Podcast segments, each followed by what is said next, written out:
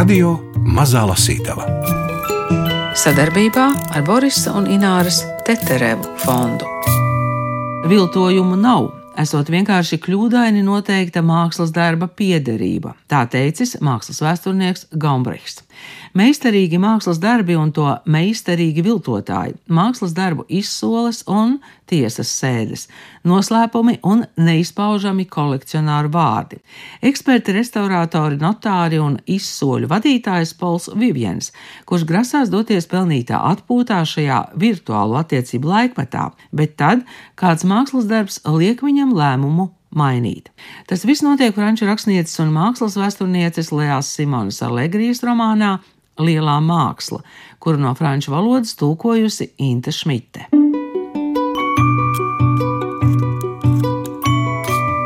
Šī autore Lēā Simona Alegrija Jūs teicāt, otrais romāns, bet uh, viņa ir mākslas vēsturniece un, un galeriste. Tas nozīmē, ka viņa saprot, par ko viņa raksta. Jā, viņa ir.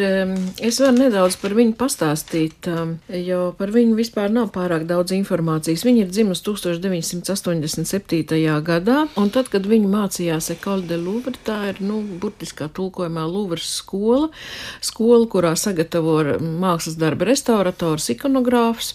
Viņu uz ielas kāds uzrunāja, un un uzaicinājis pastrādāt par modeli. Un viņa, cik var saprast, ir labi, viņai ir izdevies šis darbiņš. Viņa ir diezgan tādās, nu, prestižās eh, fotosesijās piedalījusies.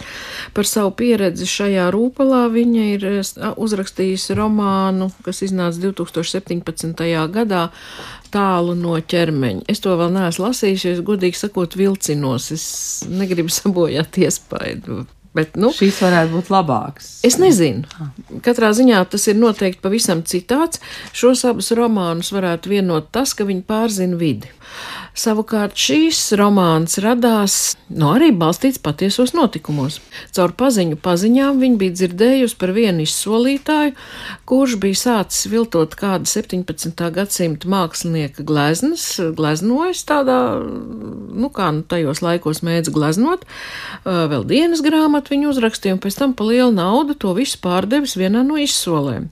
Kad tas bija noticis, tad viņš preses konferencē atzinās šajā, nu, es negribētu to īpaši teikt par krāpniecību, tāpēc, ka viņš atzinās savā nodarījumā, ja?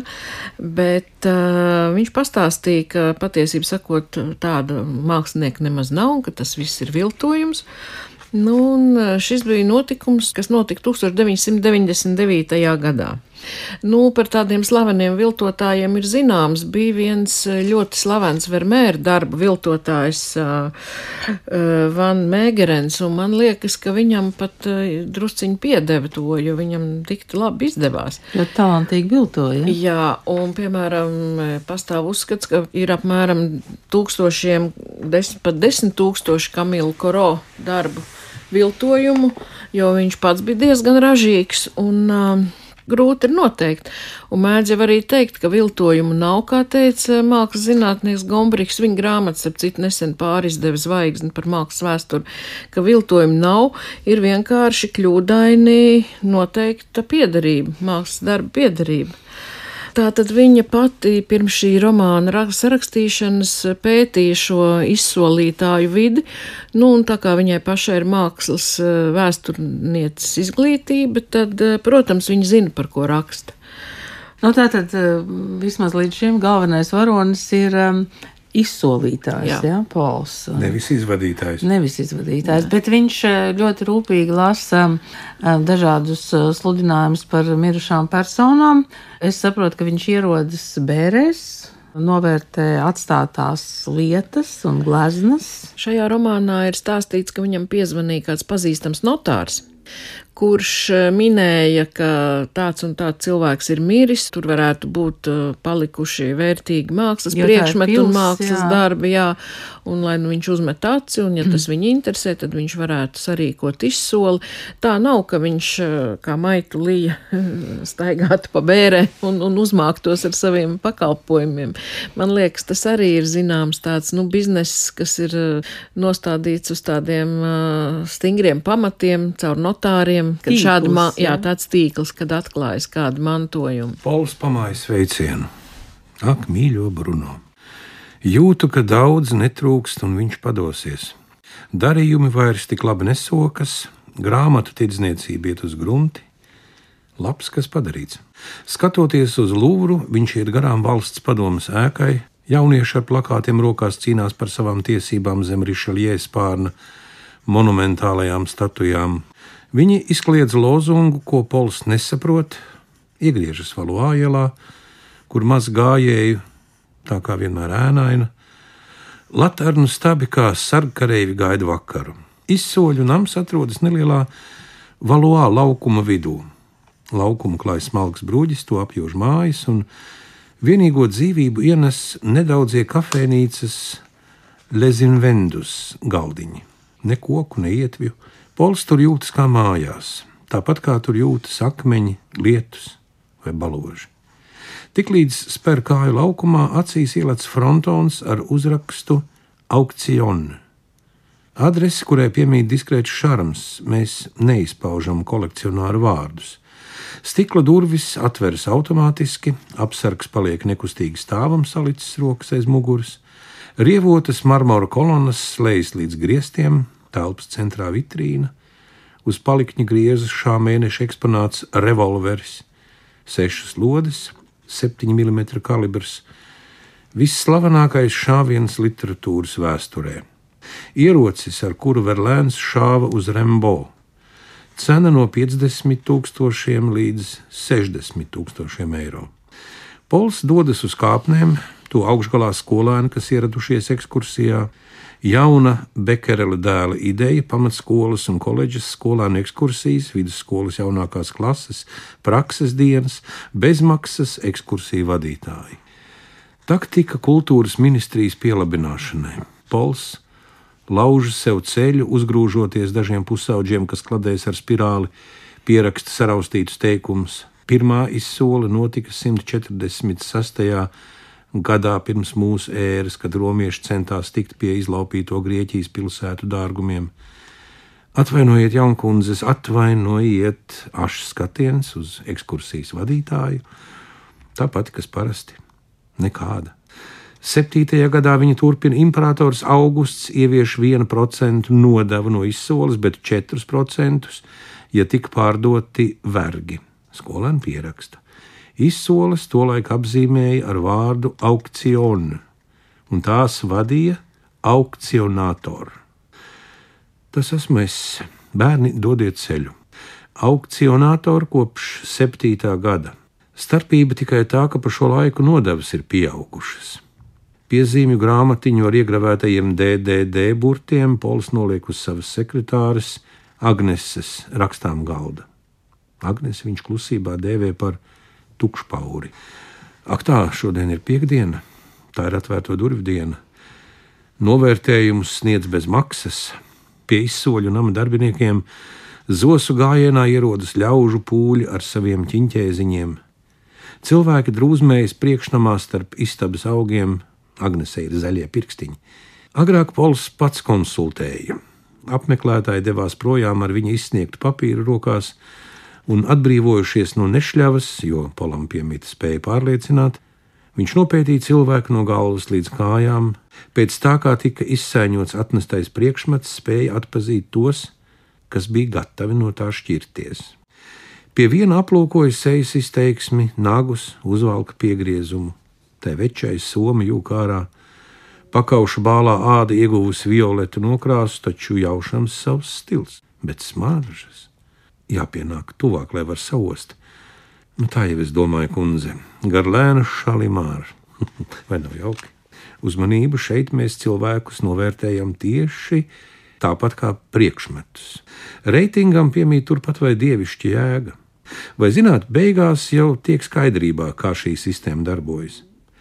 Pēc 30 gadu prakses un aptuveni 500 tūkstošiem āmuru uzsitienu kļūst skaidrs, ka ka izsoles ne ar ko neatšķiras. Tiek novērtēti vieni un tie paši krāmi. Dažu priekšmetu vērtība pieaug, citu krītas. Šodien Napoleona trešā stils nevienu vairs neinteresē, bet pavisam nesen viss tam zinās pakaļ. Tas pats ar Art Deco. Nāk jauns laikmets un aizslauka iepriekšējo. Šobrīd topā ir skandināvi. autoru darbi, dizaineru darbi. Tu priekšmet neuztraucies, gan pienāks tavs laiks, viss iet uz riņķi. Ak, metri, jūs esat tik kompetents! Kāds vīrietis pieceļas, nu nē, ne šodien, es nevaru, Agnese, Ah, kur viņa palikusi? Vienu mirklīti, ejiet pie manas sekretāres, es patiešām labprāt, taču šobrīd nevaru, esmu ļoti aizņemts. Parunājiet ar Agnesi, viņa jūs apkalpos. Aktieris Gunārs Āboliņš lasa fragment no romāna Lielā māksla, un vēlāk atzīst, ka arī viņam ir nācies vadīt kādu reālu izsoli, bet ko nācās pētīt tulkotājai Intai Šmitei Lielās mākslas sakarā.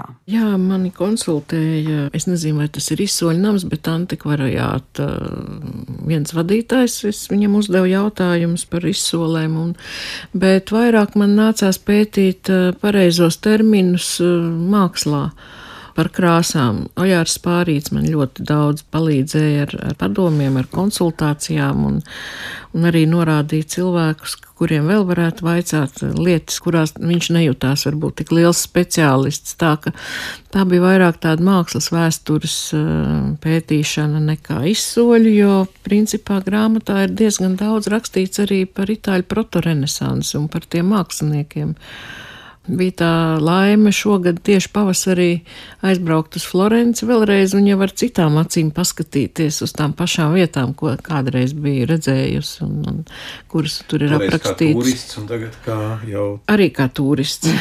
Bet jau var. Kā zinošs turists. Nu, jā, varētu teikt tā, jā. Jūs esat pārī, kādreiz pati piedalījusies izsolē? Nē. Tu esi? Jā, es esmu vadījis izsoles. Wow. Un? Nu, diezgan aizraujoša nodarbošanās, kad nu, tu izsoli mākslas darbu un tā cena sakāpi tur līdz tādai summai. Ko tu saproti, tu pats nekad mūžā nenopelnījis, bet nu, ir cilvēki. Un parasti ir tādi ļoti neuzkrītoši vīriņi kaut kur tur tā maliņā sēž, un tad viņš beigās gaida, gaida, gaida. Nosauc to savu summu, ko viņš ir gatavs maksāt. Vispār ļoti interesanti ir 12 krēslos. Tā izsola. ļoti labi arī uzrakstīt. nu, jā. Tajā arī es esmu piedalījies. Arī piedalījies jā. Jā, jā, jā, jā. Um, Un šeit... pietrūka tieši komisijas naudas, ko es noplakarēju ar meiteni iepriekšējā vakarā.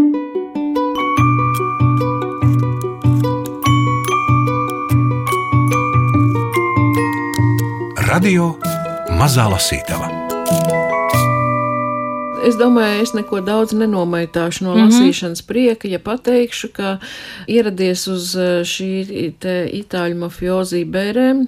Tā tad mafiozī. Jā. Un itāļu un itāļu. Jā, e, bet atraitni vēlējās, lai izsoli notiek e, Francijā, Parīzē, tāpēc arī viss, ko nu viņš tur bija atradis tajā e, nelaiķa pilī, tika aiztransportēts uz Parīzi un lielākais atradums un faktiski centrālais tēls, ja tā varētu teikt, ir retabls, ko viņš pavisam nejauši uzgāja nelielā kapelā, kas bija šīs pils pagalmā. Tad tika piesaistīta mākslas eksperte Marijāna Žavēra, kura uh, nodarbojās ar šī mākslas darba datēšanu. Un viņas specialitāte bija no, vispār arī mākslas darba ekspertīze, viltojuma noteikšana. Viņa bija strādājusi attiecīgajā dienestā, policijā, bet tad nesen sākus strādāt pie vienā citā izsoļu namā. Tā ka jā, viss centrējas ap šo retablu, ko Pols Vivjens atrada šajā kapelā. Varbūt precizēsim, kas ir retabls. Jā, es tieši to pašu gribēju jautāt.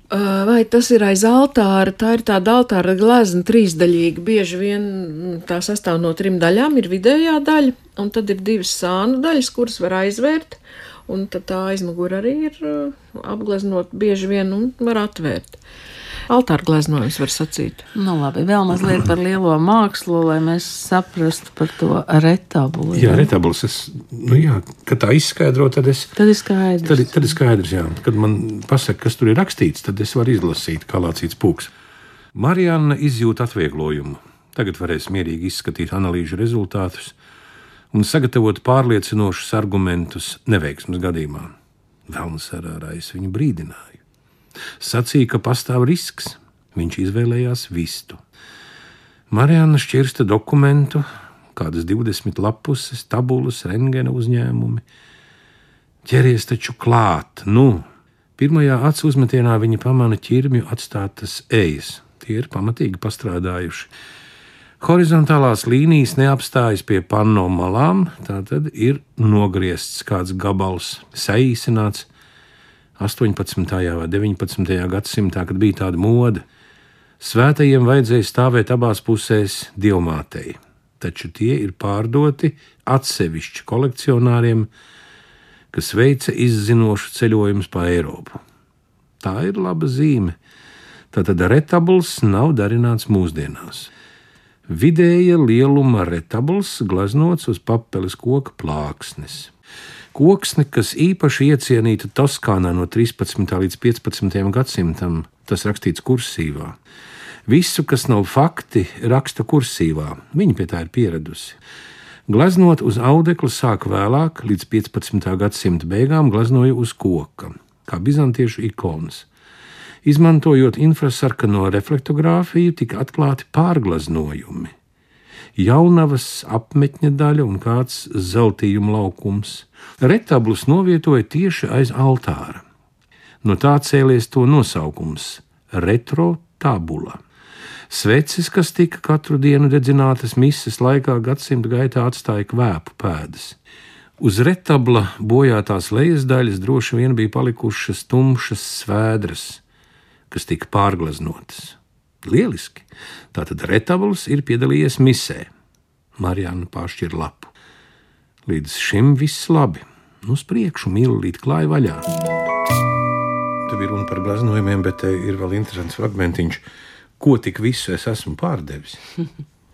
Veselas pilis, šķīvjus, sudraba bļodas, vecas mantas, kas spodrinātas kopš gadsimtiem. Tām piešķir spožumu, bet nelieto. Izsola spēja pārvērst pat vienkāršākās lietas - lampas, antīkus traukus, naudas gabalus. Tie nāk un iet. Priekšmeti vienmēr atgriežas Esmu pārdevis Rembrandta gleznas, kas piederējušas Habsburgiem, cepuri, ko Napoleons nesājis Vagramas kaujas laikā, Eģiptes mūmijas, pirms bija aizliegta līķu tirgošana. Žēl tām bija labs noiets. Šūju mašīnas, sarkanā un melnā manuskriptu, Merilīnas smaržas, degā dejotājas, priekšmets no visas pasaules, visvisādas seno laiku liecības, saules karaļa testamentu, skapjus ar spoguļu durvīm, viss, kas nonāca zem āmura, ir aizgājis. Pēdējais dodo. Zāle varēja just tik labi, ka galu galā vienmēr saskaņojās mūsu abu ritmus. Kāds smaids, paceļas mazais pirkstiņš, un publika man jau rokā. Šahs karalim. Pašiem priekšmetiem nav lielas nozīmes. Vērtību veido mīti, kas tos apvīja. Mūsu uzdevums ir tos uzturēt, aicināt ceļojumā, fantāzijas pasaulē. Tavās rokās nonāks sarkani dzeltena teikanniņa ar misiņu sildītāju, un tu nodomā, cik tā skaista. Vārds iedziedas - teikanniņa. Tā ir braši izsoļojusi cauri gadsimtiem uzraksts uz karteļa vēstī 1880. Jau redzama kalpone, kundze, senlaicīga, zili balta keramika, lauku smārts, pārdod ne jau teikaniņu, bet gan sievieti, kas lej tēju. Skaidrā ūdens strūkliņa simbolizē sātu. Ja es jums būtu teicis, misiņa teikana, nolietojums atbilstoši vecumam un izmantošanai, tā mēnešiem būtu mētājusies kādā interneta lietoto mantu pārdotuvē, līdz atradusi savu pircēju. Tieši tas ir mūsu šarms. Katalogā darbinieki izvieto priekšmetus tā, lai radītu iespaidu, ka tie sadzīvo kopš neatminamiem laikiem. To sauc par izkārtojumu. Mēs stāstām stāstus. Trīs izsoles nedēļā, simtiem tūkstošu priekšmetu, šahs. Jūs esat tik kompetents. Lieciet man mierā. Es vairs neko nezinu. Stāvu augstāk skolā un apmeklēju aukcionus lielo zāli, pirmo zāli. Viņas soļi traucē domāt. Un tad uzrādās rivets, baltajās botās ar jaunajām idejām, Instagram, elektronisko izsoli un digitālo revolūciju. Firmā ir mainījies uzstādījums, tagad mēs gribam būt izvēlīgi. Vidēji viena izsole nedēļā, bet prestiža. Rivets nu gan ir idiots. Viņš ir iznīcinājis izsoļu namu. Lūk, ko viņš ir izdarījis. Viņš ir iznīcinājis izsoļu namu. Bums! Zālē nevienas dzīves dvēseles, visi pie saviem ekrāniem. Rīvets izpildās kameras priekšā, viss tiek translēts tiešsaistē, un tagad vairāk solīšana notiek kā eBay platformā. Tas man paralizē. Pie datora sapņi ir pavisam citādi. Mats. Izvanās telefons, ar katru telefonu zvanu uzplaiksnī cerības stariņš, un ja nu tas ir zvans, ko esmu gaidījis, zvans, kas atkal ļaus izjust īsto smeķi. Kāds matīs, Van Gogs, karalienes kaklarota. Tā nu es gaidu, bet ko gan vēl gaidīt? Daļdarbi ir pārvērtušies par skaitļiem, par cenas zīmi, vērtība, laika ritējums, izsvēršana Pols Viviens neviļus visu mēru, tāpat kā holandiešu žanra gleznās, kur zelta svērējs novērtē preci. Fiksētās līnijas telefona aparāts tomēr ir pievilcīgāks nekā vārds, kas parādās uz mobilās ierīces ekrāna. Agrāk tika uzturēts noslēpums. Jā, ak, tā esat jūs, Dibreja kundze. Jā, nē, nē, Nē, es jau jums, nē, Dibrēja kundze, atkārtoju, diemžēl tā nav Modiljānī glezna. Tas nav Modiljānī. Jā, es esmu par to pārliecināts. Bet, protams, piezvaniet kādam amatbrālim, ja vēlaties, var iedot numuru. Pols iegrozās vēl dziļāk krēslā.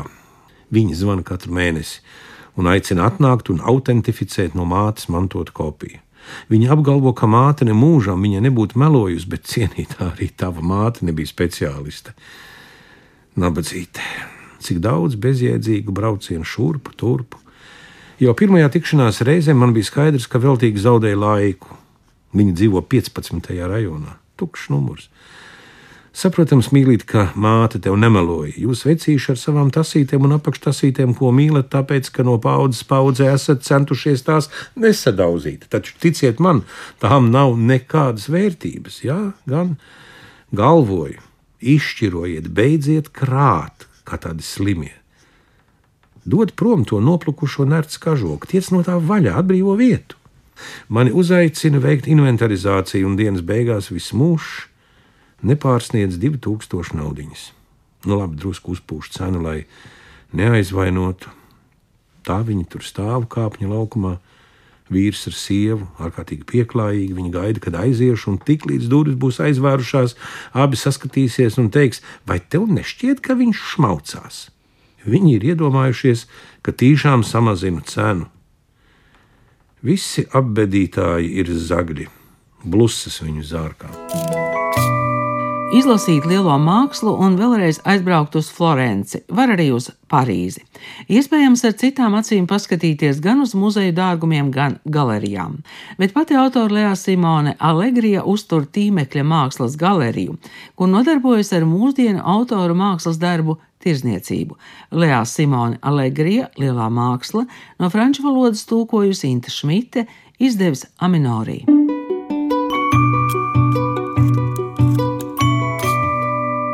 Lielā māksla. Nu, lielā māksla nav nekāda mazā māksla. Nu, es arī domāju, kā mēs tulkojam Legrandā ar lielā māksla. Ja? Mēdz jau teikt augstā māksla. Ja? Kāpēc es paliku tomēr pie lielās mākslas? Tāpēc, ka ir latviski teiciens, nu tā jau nav nekāda liela māksla. Mm -hmm. Arī tā Jā. ir liela māksla mūsdienu, tur Džefa Kunsa tos balonu zaķus pārdot par miljoniem. Ja? Tā ir māksla, jā. jā mēs neteiksim, tā ir augstā jā. māksla. Jā, augstā māksla, tur Rafaels un Da Vinci, bet, nu, lielā māksla, nu, jā. Lai būtu lielā, lai būtu lielā, lielā māksla.